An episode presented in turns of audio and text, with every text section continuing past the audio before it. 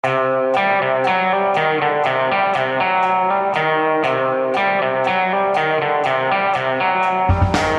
visste jeg at alle disse dagene som kom og gikk, de var selve sommeren 2021. Men eh, noen må holde hjulene i gang, Tone Sofie Hagen. Ja da, og det typiske er at det måtte bli oss.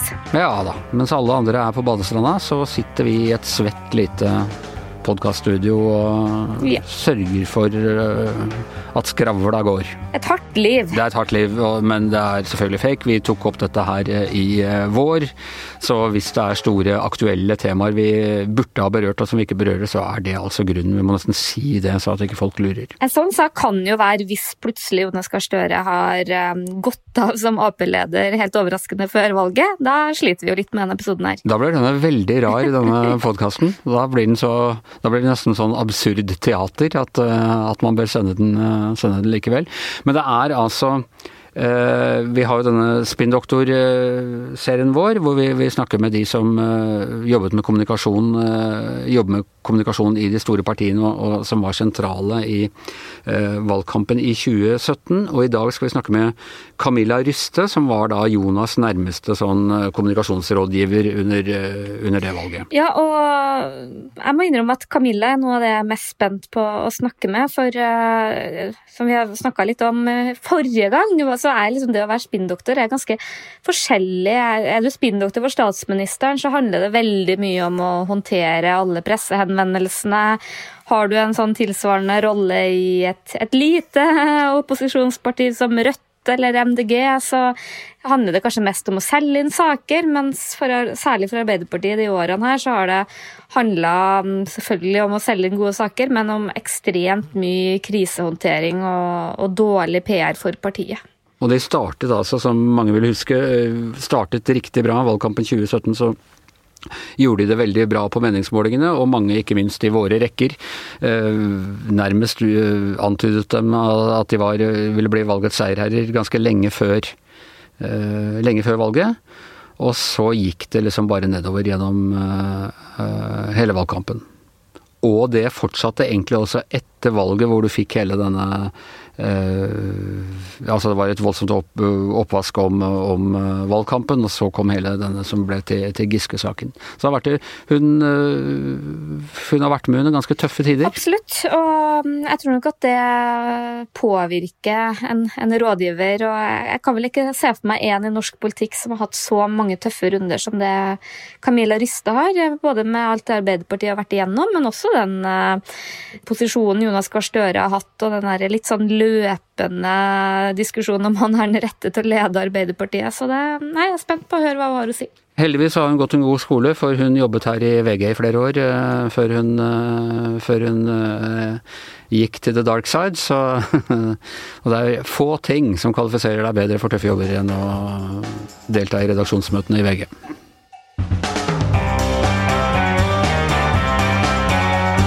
Og dermed hjertelig velkommen tilbake til VG, Camilla Ryste. Tusen takk! Det er jo som å komme hjem, dette her. Ja, men det er jo det. Ja. Det er litt sånn en gang journalist, alltid journalist, altså. Selv om man har gått videre og jobber med andre ting. Ja, for du jobbet her i VG på, for en 10-15 Ja, år siden nesten? Jeg fikk eh, sommervikariat i VG. Nei, det gjorde jeg ikke. Nå tøyser jeg. Unnskyld, nå blander jeg. Jeg fikk faktisk sommervikariat i Dagbladet. Og så var jeg der et halvt års tid som eh, tilkallingsvikar, som det så fint heter når du driver og eh, klorer deg inn i journalistikken. Men så fikk jeg vikariat i VG fra eh, 2005. Ja. Og jobba her i fire år, før jeg gikk til Aftenposten. Og ja, En ting er at du går til Aftenposten, det er nesten enda verre, men så, så går du til, til politikken. Snakk om å gå til the dark side, da. Jeg vet, jeg har liksom gjort det hele veien, fordi jeg gikk jo men, det, men jeg har tatt det gradvis. For jeg gikk jo da ikke rett inn i politikken. Jeg gikk først til byråkratiet. Og ble ansatt på statsministerens kontor i kommunikasjonsavdelingen der i 2009-10. Altså da Jens Stoltenberg var statsminister? Da Jens Stoltenberg var statsminister, ja, så jobbet jeg der Ja, fra 2009 var det. Så jobbet jeg der i fire år som kommunikasjonsrådgiver på statsministerens kontor. Eh, Partinøytral ansatt. Og så tok jeg det helt ut i 2014 og hoppet over til politikken. Ja. Og ble da eh, ansatt i Arbeiderpartiet. Ja, og jobbet da uh, direkte for, for, Jonas Gahr Støre? Da jobbet jeg for Jonas Gahr Støre og stortingsgruppa til Arbeiderpartiet. Ja, og da var han, altså, 2014 da var han statsministerkandidat for ja. og hadde tapt valget i 2013. Nei, unnskyld. unnskyld. Jens hadde tapt Jens valget. Hadde tapt valget i 2013. Ja, og så hadde Jens dratt i Nato. Ja. Og så ble Jonas partileder, og så satte de sammen et team rundt Jonas. Ja. Og da kom min eh, tidligere kollega på statsministerens eh, kontor, Hans Christian Amundsen, til meg og spurte om Også en gammel journalist? Også en gammel journalist, ja. Og spurte om eh, jeg kunne tenke meg å være med på det. Eh, vi skal komme tilbake til alt det, men jeg må spørre deg først at eh, hva tenker du om ordet spinndoktor? Det syns jeg er et eh, Altså, jeg har ikke noe imot det ordet, men jeg syns at det gjør rollen litt mer mystisk enn den kanskje er. Og så tror jeg noen syns det er litt uh, gøy. Uh, for min del så var ikke det noen, en tittel jeg noen gang brukte på meg selv. Uh, og du bruker den ikke i ettertid heller? Du sier ikke at nei, jeg, jeg er ikke, Nei, jeg bruker det ikke nå heller. jeg sier at jeg var ja, kommunikasjonssjef. Uh, og det, ja, det blir litt, litt vel mye mystikk, syns jeg, rundt det året. Ja. Men allikevel, du anerkjenner at i hvert fall noen bruker det ikke sånn nei, nei, nei, det vil jeg ikke ta i med en ildtang, det ordet? Nei, ikke i det hele tatt. Og det er jo Altså én ting er det er jo historier i Norge, men også internasjonalt, ikke sant. Sånn historier om eh, politikere og deres pressemedarbeidere og sånn. Som ja. på en måte jeg, jeg, skjønner hvorfor det ordet kan bli brukt, da. Ja. Har du noen gang løyet for en journalist? I jobben? Nei. Det Altså, nå må jeg ikke som jeg kan huske på, i hvert fall, Nei. at jeg har gjort. Det kan hende at jeg har latt være å si ting. Det er ikke det samme som eller, livet. Eller latt være å svare på et spørsmål. Jeg, jeg, jeg, kunne være ganske god til å skravle bort ting. Eh, hvis jeg ikke ville svare. Men jeg, eh, som tidligere journalist eh, selv, så vet jeg at det er én dødssynd, og det er å lyve til pressen. Jeg har vært veldig spent på å treffe deg, Camilla, for um Uh, skal ikke jeg snakke ned de andre gjestene, men den uh, reisa, for å bruke et veldig forslitt ord, som uh, Jonas Gahr Støre har hatt som politiker, syns jeg er veldig fascinerende. Og når vi sitter her nå, så vet vi jo selvfølgelig ikke hvordan fasiten blir heller. Men det er jo en partileder som begynte som en rockestjerne, og så begynte det å gå sakte, men sikkert nedover. og alt han tok i ble en periode gråstein når du hadde satt der og var tett på. Hvordan var det? Det er jo eh, Innledningen din da, om, om, Jonas eh, sin reise, den syns jeg er interessant. Fordi eh, tenker, altså Jonas har eh, i hvert fall vært en politiker de siste årene som det har vært knyttet mange sterke narrativer til. Sånn tror jeg jeg vil beskrive det. Altså fortellinger? Ja, mange fortellinger, mange forestillinger. Og mye fremstilling av Jonas som både det ene eller det andre. Og gjerne med ganske sterke kontraster i dette. Og så, når du eh, kjenner Jonas, jobber med Jonas, vet hvordan Jonas er, og det vet jo mange av dere journalistene òg, fordi dere jobber jo også veldig tett på disse toppolitikerne, så opplever jeg at Jonas er Jonas. Eh, og jeg tror ikke Jonas er ikke så annerledes Altså Jonas eh, utenriksminister anno 2005? Ja, sju sier sju, da. Eh, og Jonas som en eh, partileder i motgang anno 2018 eh, er den samme Jonas. Men fremstillingen av han er forskjellig. Og måten han beskrives på. Og så er det jo selvfølgelig både politikeren selv og teamet og apparatet rundt lærer jo også masse på veien av disse opplevelsene. Så um, jeg du, Hva var det du spurte meg om igjen? Nå snakker jeg meg bort igjen. Men eh, du, du, du spurte hvordan jeg ville beskrive den reisen. Jeg, jeg, mener jo at Jonas er den samme Jonas som han har vært hele tiden. Og så har han opplevd ulike ting eh, gjennom disse årene som har eh, til dels også eh, vært ting som kommer, eh, som ikke er eh, på en måte noe han verken har eh, Eh, ja, som bråk i Arbeiderpartiet og alt dette. Men eh, det, det, liksom, det, stammer ikke fra han, men han har måttet håndtere det. Og beskrivelsen av Jonas, narrativen om Jonas, har vært preget av disse hendelsene. Men hva tror du det kommer av at, eh, at de narrativene er så forskjellige? For jeg må i hvert fall innrømme at sånn sett utenfra, jeg kjenner jo ikke han så godt som det dere gjør, så, så, så, virker det på meg som at um, dere har vært litt sånn usikre på produktet Jonas, og kanskje ikke stort helt på at det er sterkt nok som det er, og liksom prøvd liksom å, å, lage litt sånn uh, ulike um, versjoner av han, da, mer eller mindre vellykka? Jeg tror ikke det er helt sånn. Jeg tror at dette er heller ikke noe unikt for Jonas. Jeg tror at dette er noe som veldig mange toppolitikere som holder på, er med i politikken i mange år opplever. Det går opp og ned eh, i politikken. Eh, historien om deg preges ut fra hvordan, eh, hvordan det går med partiet.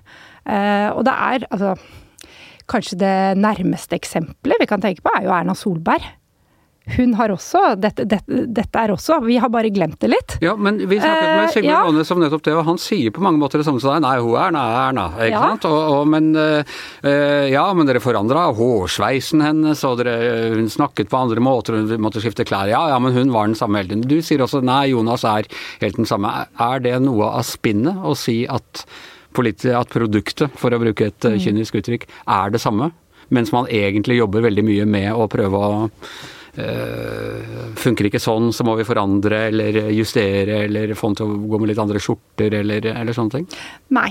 Jeg, jeg, tror mediene gjerne tenker at dette er spinnet. Uh, jeg Selvfølgelig, altså enkelte ting på en måte Trenger du en ny hårsveis, et eller annet. Altså eh, snakke i litt kortere setninger, få frem poengene dine litt tydeligere. Litt sånne ting. Men det handler jo ikke om å forandre hvem du er.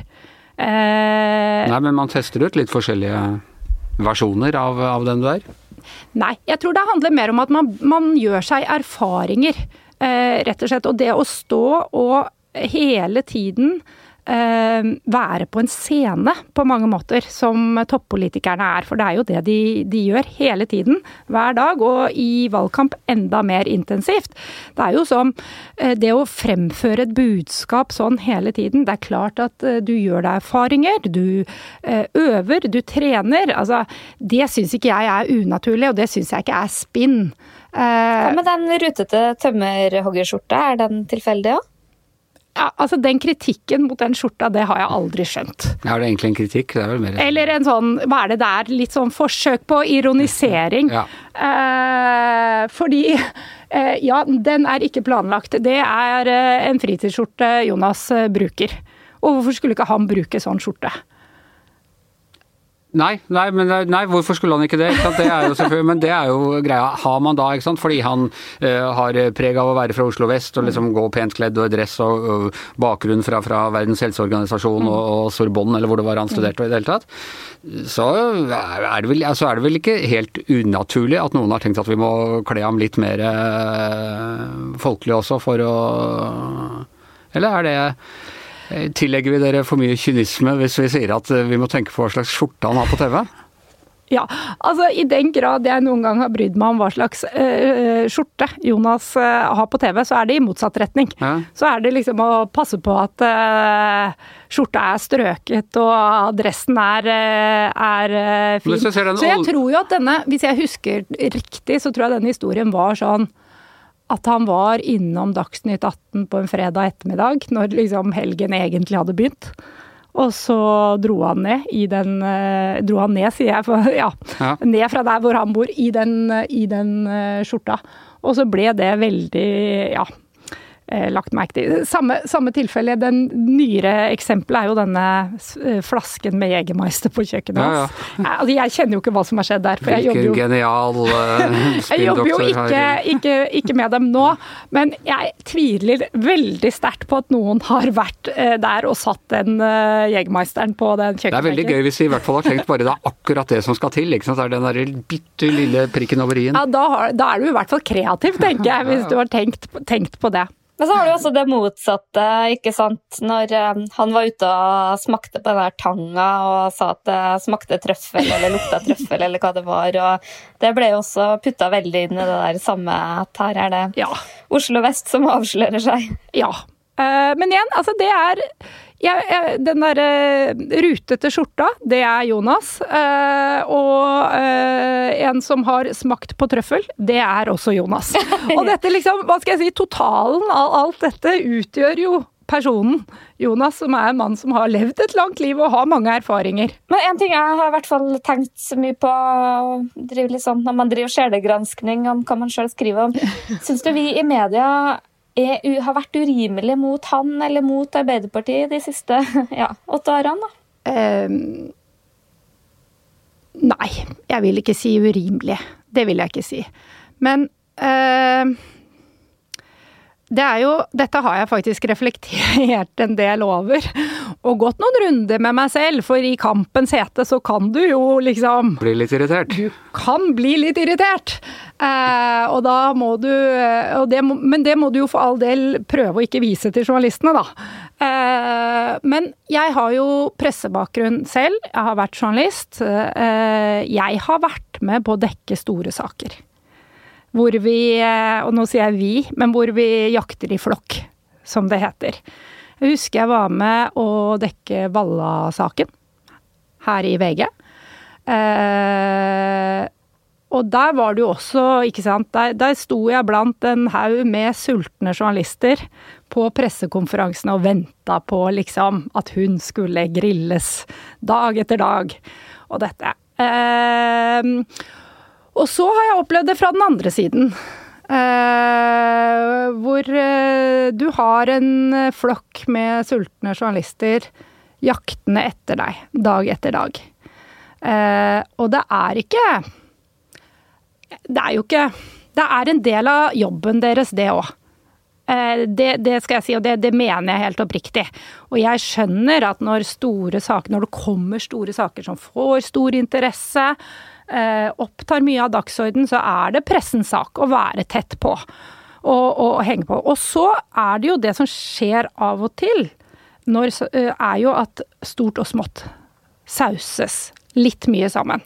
Og det kan du kjenne på når du står på andre siden. Det kan være reelle ting og saker og viktige ting å diskutere og ja, sånn, men, men alt blir stort.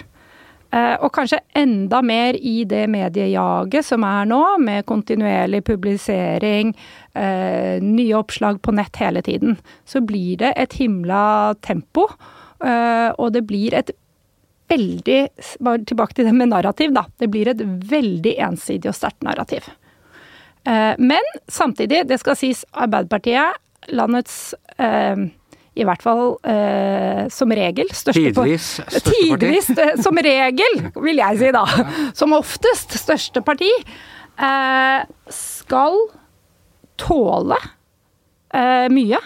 Skal tåle sterk kritikk. Skal svare på spørsmål. Skal stå til rette for eh, Egentlig ikke for pressen, men for folk og velgere.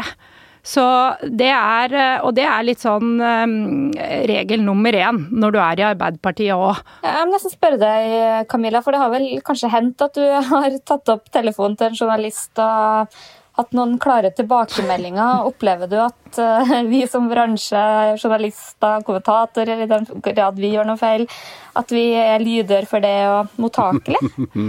Det, Det var, dagens ledende ja, spørsmål. vet du hva? Det, det kommer, hvis, hvis det er en reell feil, så er dere mottakelige.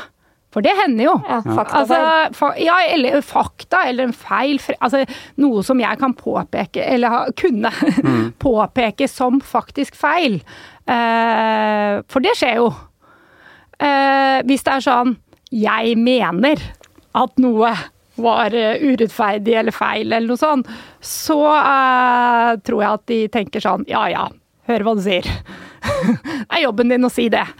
Men, eh, men faktiske feil, det, det Så der har jeg eh, både fått, eh, fått rettet opp ting og fått beklagelser, altså. Når, når man ja, har gjort feil. Det, og det var jo ja, av og til så du, man, man, lærer jo også når man er i en sånn jobb som jeg er, og det må jeg si, det lærte jeg jo også etter hvert, at noen telefoner du har lyst til å ta fordi du blir litt irritert eller noe sånt, er det egentlig best å bare la være.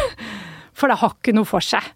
Eh, kanskje godt å få sagt det, liksom, men eh, for den journalisten eller den reporteren så er det ja, egentlig bare en bekreftelse på at eh, de har ja, truffet noe, da. Fordi du de, de, klarer liksom å irritere. Men hvis det var feil, så var det absolutt vel verdt. Men sånn, Hvis jeg skal si hvordan jeg ofte opplever det, så syns jeg sånn Offisielt så får du mye sånn 'og dere er så urimelige mot Arbeiderpartiet' og, og, sånn, men når jeg snakker med folk uh, mer sånn underhånden i partiet, så opplever jeg egentlig at folk er mye mer kritiske enn det, enn det jeg er i stand til å på en måte mm, fremføre av stemning og sånn. Uh, så det er, liksom, det, det er liksom litt sånn flere lag her. Da. Så ofte syns jeg mm, man internt i partiene, og det er jo særlig når det går dårlige og mm. dårlige perioder, at man, man, er mye tøffere med sine egne enn det vi kommentatorer sjøl i våre kanskje mest hardtslående øyeblikk klarer å være. Og det er jo en eh, litt sånn rar sånn, hva skal jeg si, sånn uskreven avtale mellom presse og journalister, ikke minst mm. som gjelder på Stortinget. Det sjokkerte meg veldig første gang jeg var på Stortinget på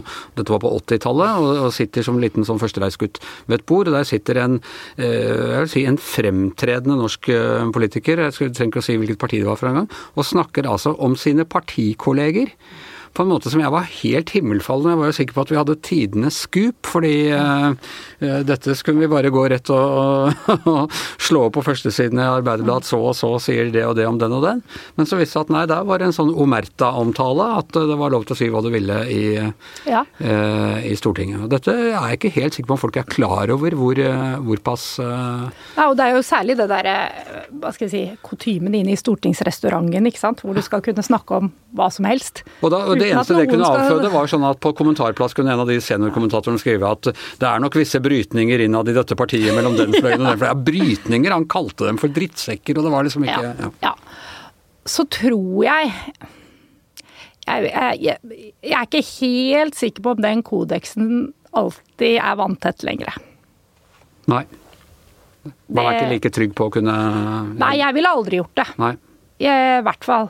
Uh, og jeg, jeg, Fordi det jeg jo opplever, eller opplevde, var jo at det snakkes mye blant og mellom journalister òg. Uh, eh, og sånn sett så kan uh, ja, ting som er for, fortalt i en sånn setting innenfor kodeksen, hvor du liksom Her er det sitatforbud og sånn. ja, i, i hvert fall Men jeg ville ikke stolt på det i dag. Du, når det gjelder da valgkampen i 2017, som, altså, som du nevnte, den startet, da, den startet godt. og han, eh, Arbeiderpartiet og Jonas Gahr Støre hadde eh, voldsom oppslutning, og så gikk det dårligere og dårligere. og Det ene sånn vanskelige saken fulgte den andre. I etterpåklokskapens klare lys, hva følte du Tenker du liksom at vi kunne ikke gjort noe annet, eller eh, tenker du at det var noen ting du veldig gjerne skulle, hvis du hadde tidsmaskinen, gått tilbake og fiksa på? Altså, jeg tror vel det er få, om noen i det hele tatt, i Arbeiderpartiet som tenker om den valgkampen at vi kunne ikke gjort den, noe annet. At den var perfekt? At den var, var, var perfekt. For det var den ikke eh, på noen som helst eh, måte. Selv om den var ikke heller så dårlig som man kanskje husker den i ettertid igjen så er det litt med dette narrativet som står igjen. Og her er jo narrativet selvsagt og med rette preget av at vi tapte. Vi klarte ikke det store målet, som var å vinne regjeringsmakt i, i 2017. Uh, når jeg går tilbake, for jeg måtte liksom friske opp hukommelsen min litt for å, å, komme hit i dag, så ser jeg på at de tilbakemeldingene som kom i etterkant, eh, ble jo gjort en, en grundig evaluering og ettervalgsevaluering av det. Og da var eh, Hovedtilbakemeldingen var at budskapet ble for uklart. Rett og slett. Historien vår ble for uklart. Hva var det Arbeiderpartiet egentlig Hva var det vi ville? Hva var prosjektet vårt? En annen ting knytta til økonomi, Camilla, var jo de sakene som kom uh, knytta til Jonas sin privatøkonomi. Mm. Uh, er det noe der du tenker at dere kunne gjort annerledes? Det var kanskje ja, også et ledende spørsmål? Ja, klart det. Det er veldig vanskelig også å si nei på det. Mm. Uh, og ingen har vel egentlig sagt tydeligere enn Jonas selv det. At det er klart at det skulle vært håndtert på en helt annen måte. Sånn at uh, Og Det var altså saker om, om hvor han hadde pengene sine, fond, ja. disse fondene? Ja, og her ble det også mye sånn stort og smått sauset sammen. Og litt og brygge og litt forskjellig? Mye greier som mm. bare ble Men hvordan skulle man ha gjort det da, sånn etterpåklokskap og Nei, altså, ikke sant. Og dette har jo Jonas gjort også, uh, i ettertid. Og ikke, har han ikke satt alle penga sine i banken nå? Hvor det liksom ikke kan stilles et eneste spørsmål ved noe? Uh, og det da, da, hadde man jo vært helt uh, uten de sakene. 2017-valgkampen uh, ble jo på en måte veldig rystende. Jeg ville tro det var det for dere som uh, gikk inn i det som nesten klarte å ta over landet, og så gikk ut av det ganske sånn skadeskutt parti. Men jeg tror også det er en valgkamp som gjorde noen ting med oss kommentatorer. For jeg bare merker nå at folk er veldig mye mer forsiktige med å spå et utfall og sånn. Fordi vi så hvor ekstremt fort mm. ting snudde. Var det liksom på ett tidspunkt du tenkte at nå rakner det?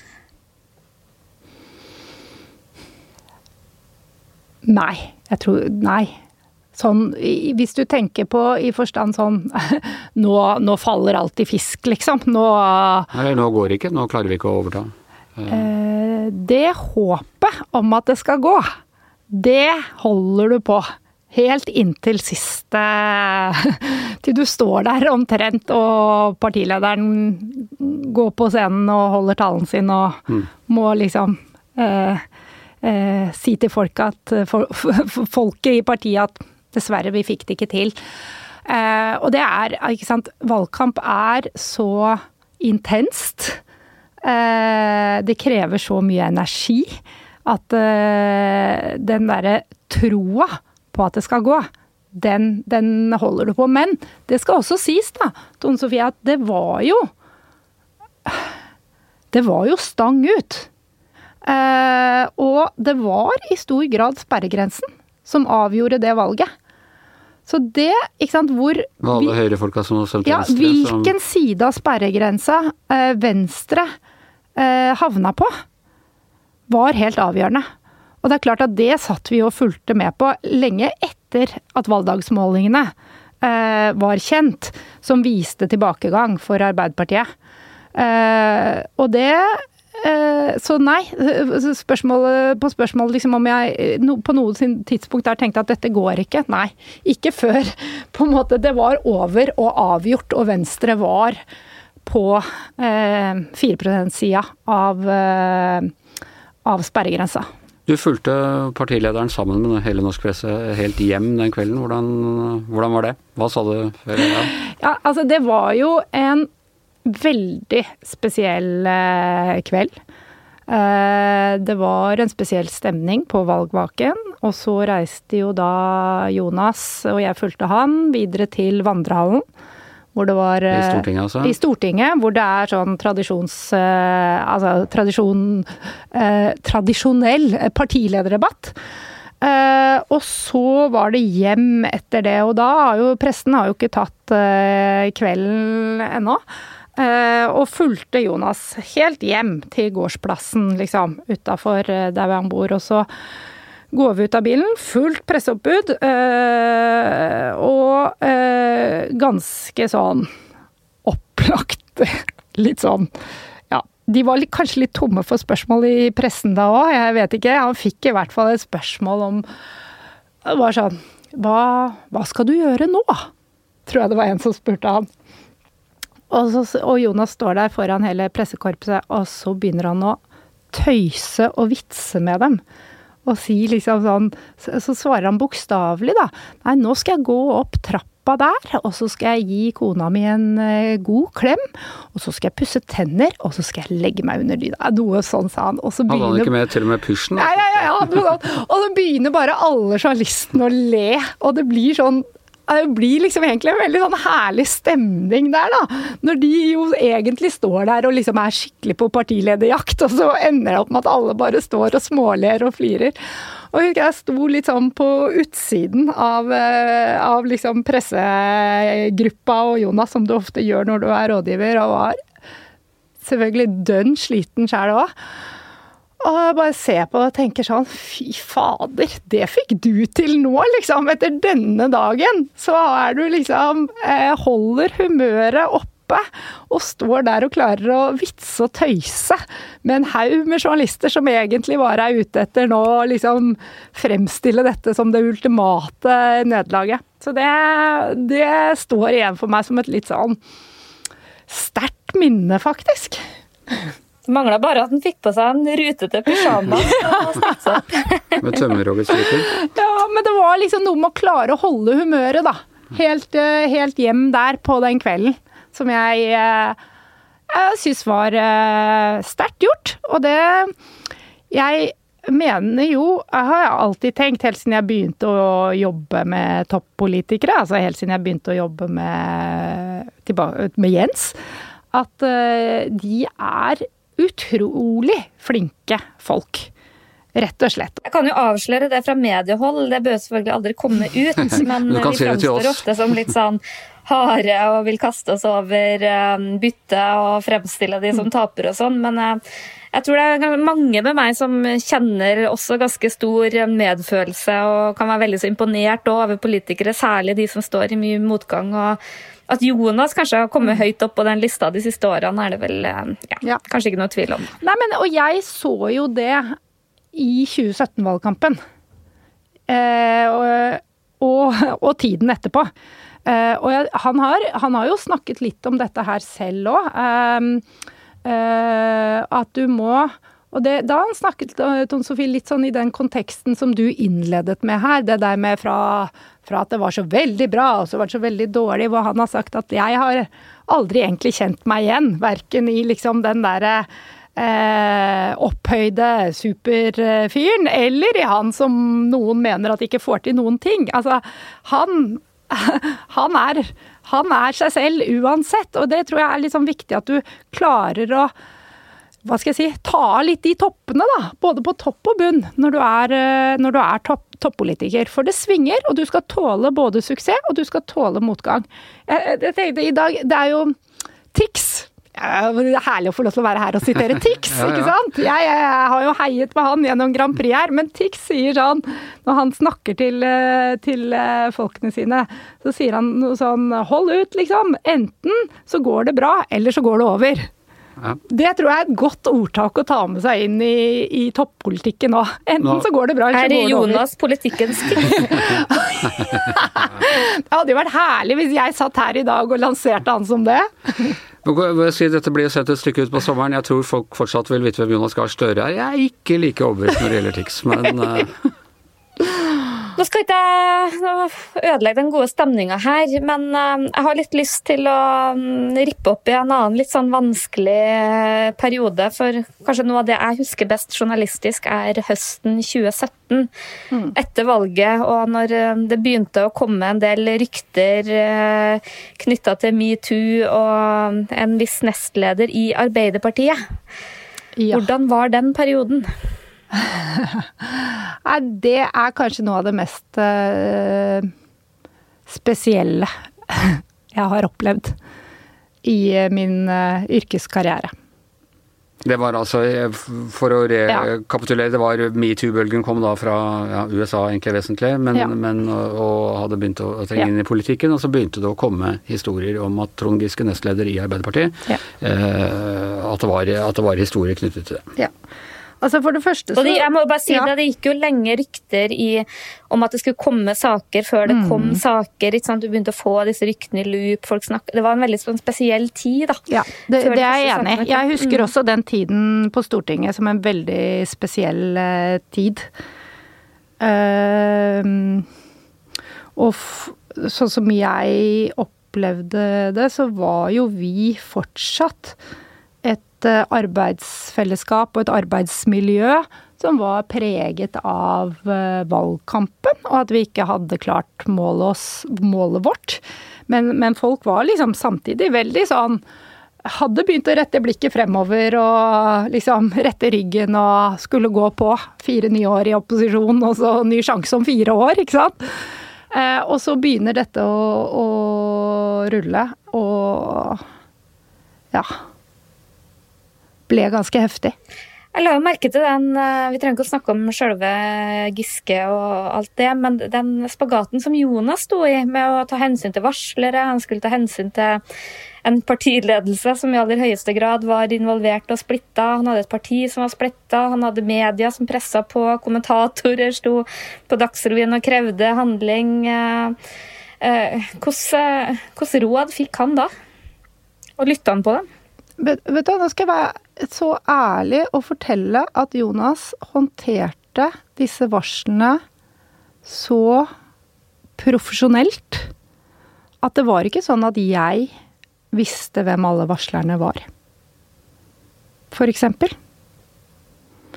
Uh, og akkurat i den perioden så var det også litt for meg, i min rolle og med den tette kontakten jeg har med journalister hele tiden, ikke sant? Jeg, jobben min var jo å være sammen med journalister. Jeg var jo ofte mer sammen med journalister enn jeg var med folk i partiet. Eh, og dere vet jo på Stortinget, det er jo ikke bare sånn at du snakker sammen når du har avtalt en samtale. Vi, vi er jo sammen hele tiden. Så det var faktisk På, på et tidspunkt der så følte så, så var jeg, og det syns jeg selv var bra, på en sånn need to know basis. Altså at jeg måtte jeg, jeg, visste de tingene jeg trengte å vite for å gjøre min jobb. Men det eh, var også ganske mye i den mest følsomme tiden med behandling av varsler og sånn, som jeg ikke visste, og som jeg syns var ganske greit å ikke vite. Ref det du begynte med å spørre meg om, første spørsmålet ditt, Anders. Har, du, har du noen gang løyet til en journalist?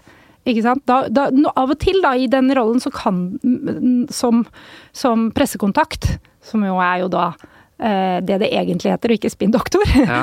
eh, så kan det være greit å rett og slett ikke vite noe. I need to know basis, ja. som de sier i CIA. Ja. Eh, for du, da slipper du å komme i en situasjon da, hvor du må sitte og så For å være helt ærlig så er det noen ganger når det virkelig røyner på og er skikkelig tøft så er det jo flinke journalister med et uh, ganske stort uh, kit med verktøy som de bruker òg, for å luke ut og presse frem informasjon. Det er ikke sånn at de kommer pent inn på kontoret ditt, og så stiller deg et høflig spørsmål, og så avslår du det spørsmålet høflig, og så er vi ferdig med den saken. Det er jo ikke sånn det er. Det er mye sterkere press enn det. Eh, og blant annet så har jeg blitt utsatt ganske mange ganger for å bli fremlagt noe informasjon. Og så spørsmål kan du bekrefte eller avkrefte det.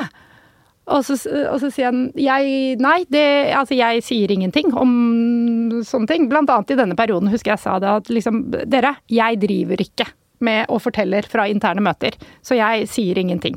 Sånn. Ferdig. Ja, men da har du bekrefta. Nei, jeg sa at jeg ikke sier noe om det. Jo, men du har ikke avkrefta, så da har du bekrefta. Ja, du blir satt i sånne situasjoner hele tiden.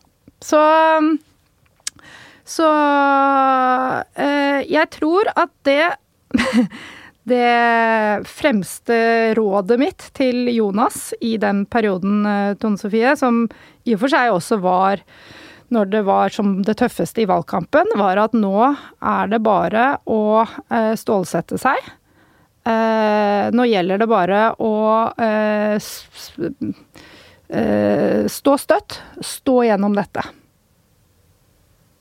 håndtere det så best vi kan. Jeg hører at det her skulle jeg gjerne hatt en helt egen podkast om. Og, og, særlig nå hvor tida har gått litt, hvor man faktisk kan reflektere litt sånn åpent rundt det. Men um, jeg kan bare sånn siste spørsmål, for det var jo veldig mye kritikk både for seint, for mm. tidlig, det gikk for fort, det gikk for sakte. Ja.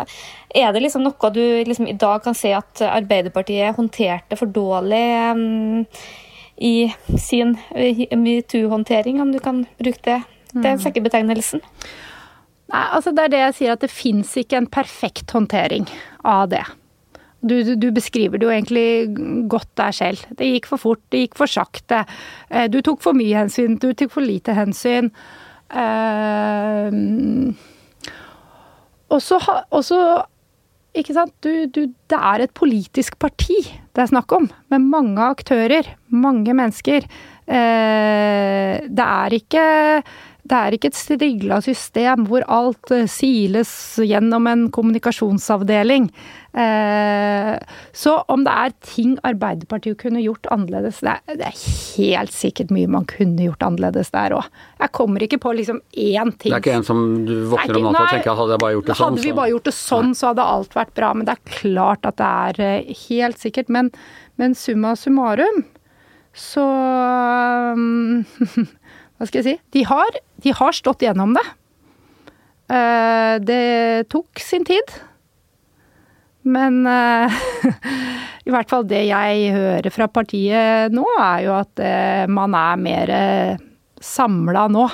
Både om politikk og prosjekt, og at man har mindre utenom politiske forstyrrelser, da. For du slutta altså i den jobben i, var det 2019? 2019. Ja, ja. Da hadde jeg hatt jobben i fire år. Og nå er du kommunikasjonssjef i Norsk Automobilforbund? Norsk Automobilforbund, ja. ja. Det, har, dere på, har du gitt råd om å oppdatere det navnet litt, fordi folk vet ikke hva automobiler er lenger? Kunne det vært en Nei, vi liker best å bruke NAF. Jeg tror folk vet mer hva NAF er enn automobil. Vi som er så gamle som meg, vi tenker på NAF også litt som Norsk Arbeidsgiverforening, men ja. men ja, ja. Men jeg husker da jeg Men alle andre jeg, kaller seg jo Ruter og Vy og sånne ting. Vi liker, vi, liker det, vi liker, det, sånn, vi. Vi liker det sånn. Så, men jeg husker da jeg slutta eh, så, det, det, så var det Det var jo ikke en lett beslutning, men det var jo eh, en journalist i VG da, som jeg hadde veldig, hatt veldig mye med å gjøre, veldig tett kontakt, kom og sa til meg jeg tror aldri på når folk sier sånn at de slutter pga. Familien, familien, men med deg så tror jeg faktisk på det. Har Du, savner du det? Jeg savner det litt av og til. Det gjør jeg. jeg må si, når det kommer, vel, når det kommer litt sånn de store sakene, så blir jeg fort litt sånn klistra til skjermen og mm. følger med. Eh, men eh, samtidig da, så er det fint å ha plass til litt andre ting enn bare jobb i livet sitt. Uh, har du bestemt deg for hva du skal stemme på i år? det er hemmelig valg. Det er hemmelig valg, så derfor spør jeg på en høflig måte. Ja, og da svarer jeg som mine foreldre alltid sa da vi spurte om det når de var små. Det er hemmelig valg i Norge. Ja. Så uh, vi kan gå ut og si at du vil ikke bekrefte at du skal stemme, stemme ja, det er nettopp det. Ok. Nei, men eh, Jonas tidligere nærmeste rådgiver vil ikke bekrefte at hun skal stemme Ap i år. Der, altså. Eller jobber i en, eh, nå i en partinøytral organisasjon og ja. henviser til at det er hemmelig valg i Norge. Ja, ja. Nei da, vi skal, ikke, vi skal ikke gjøre dette så vanskelig for deg. Ok, jeg har ett siste spørsmål til deg. Eh, helt til slutt. Har du fortsatt aldri løyet for en journalist?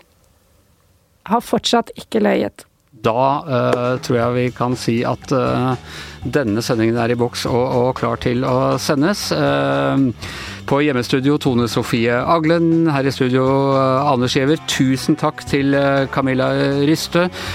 Vaktsjef er Kristina Kinne, og mannen i perfekt rutete tømmerhoggerskjorte og med hele formuen sin plassert i indeksfond er produsent Magne Antonsen.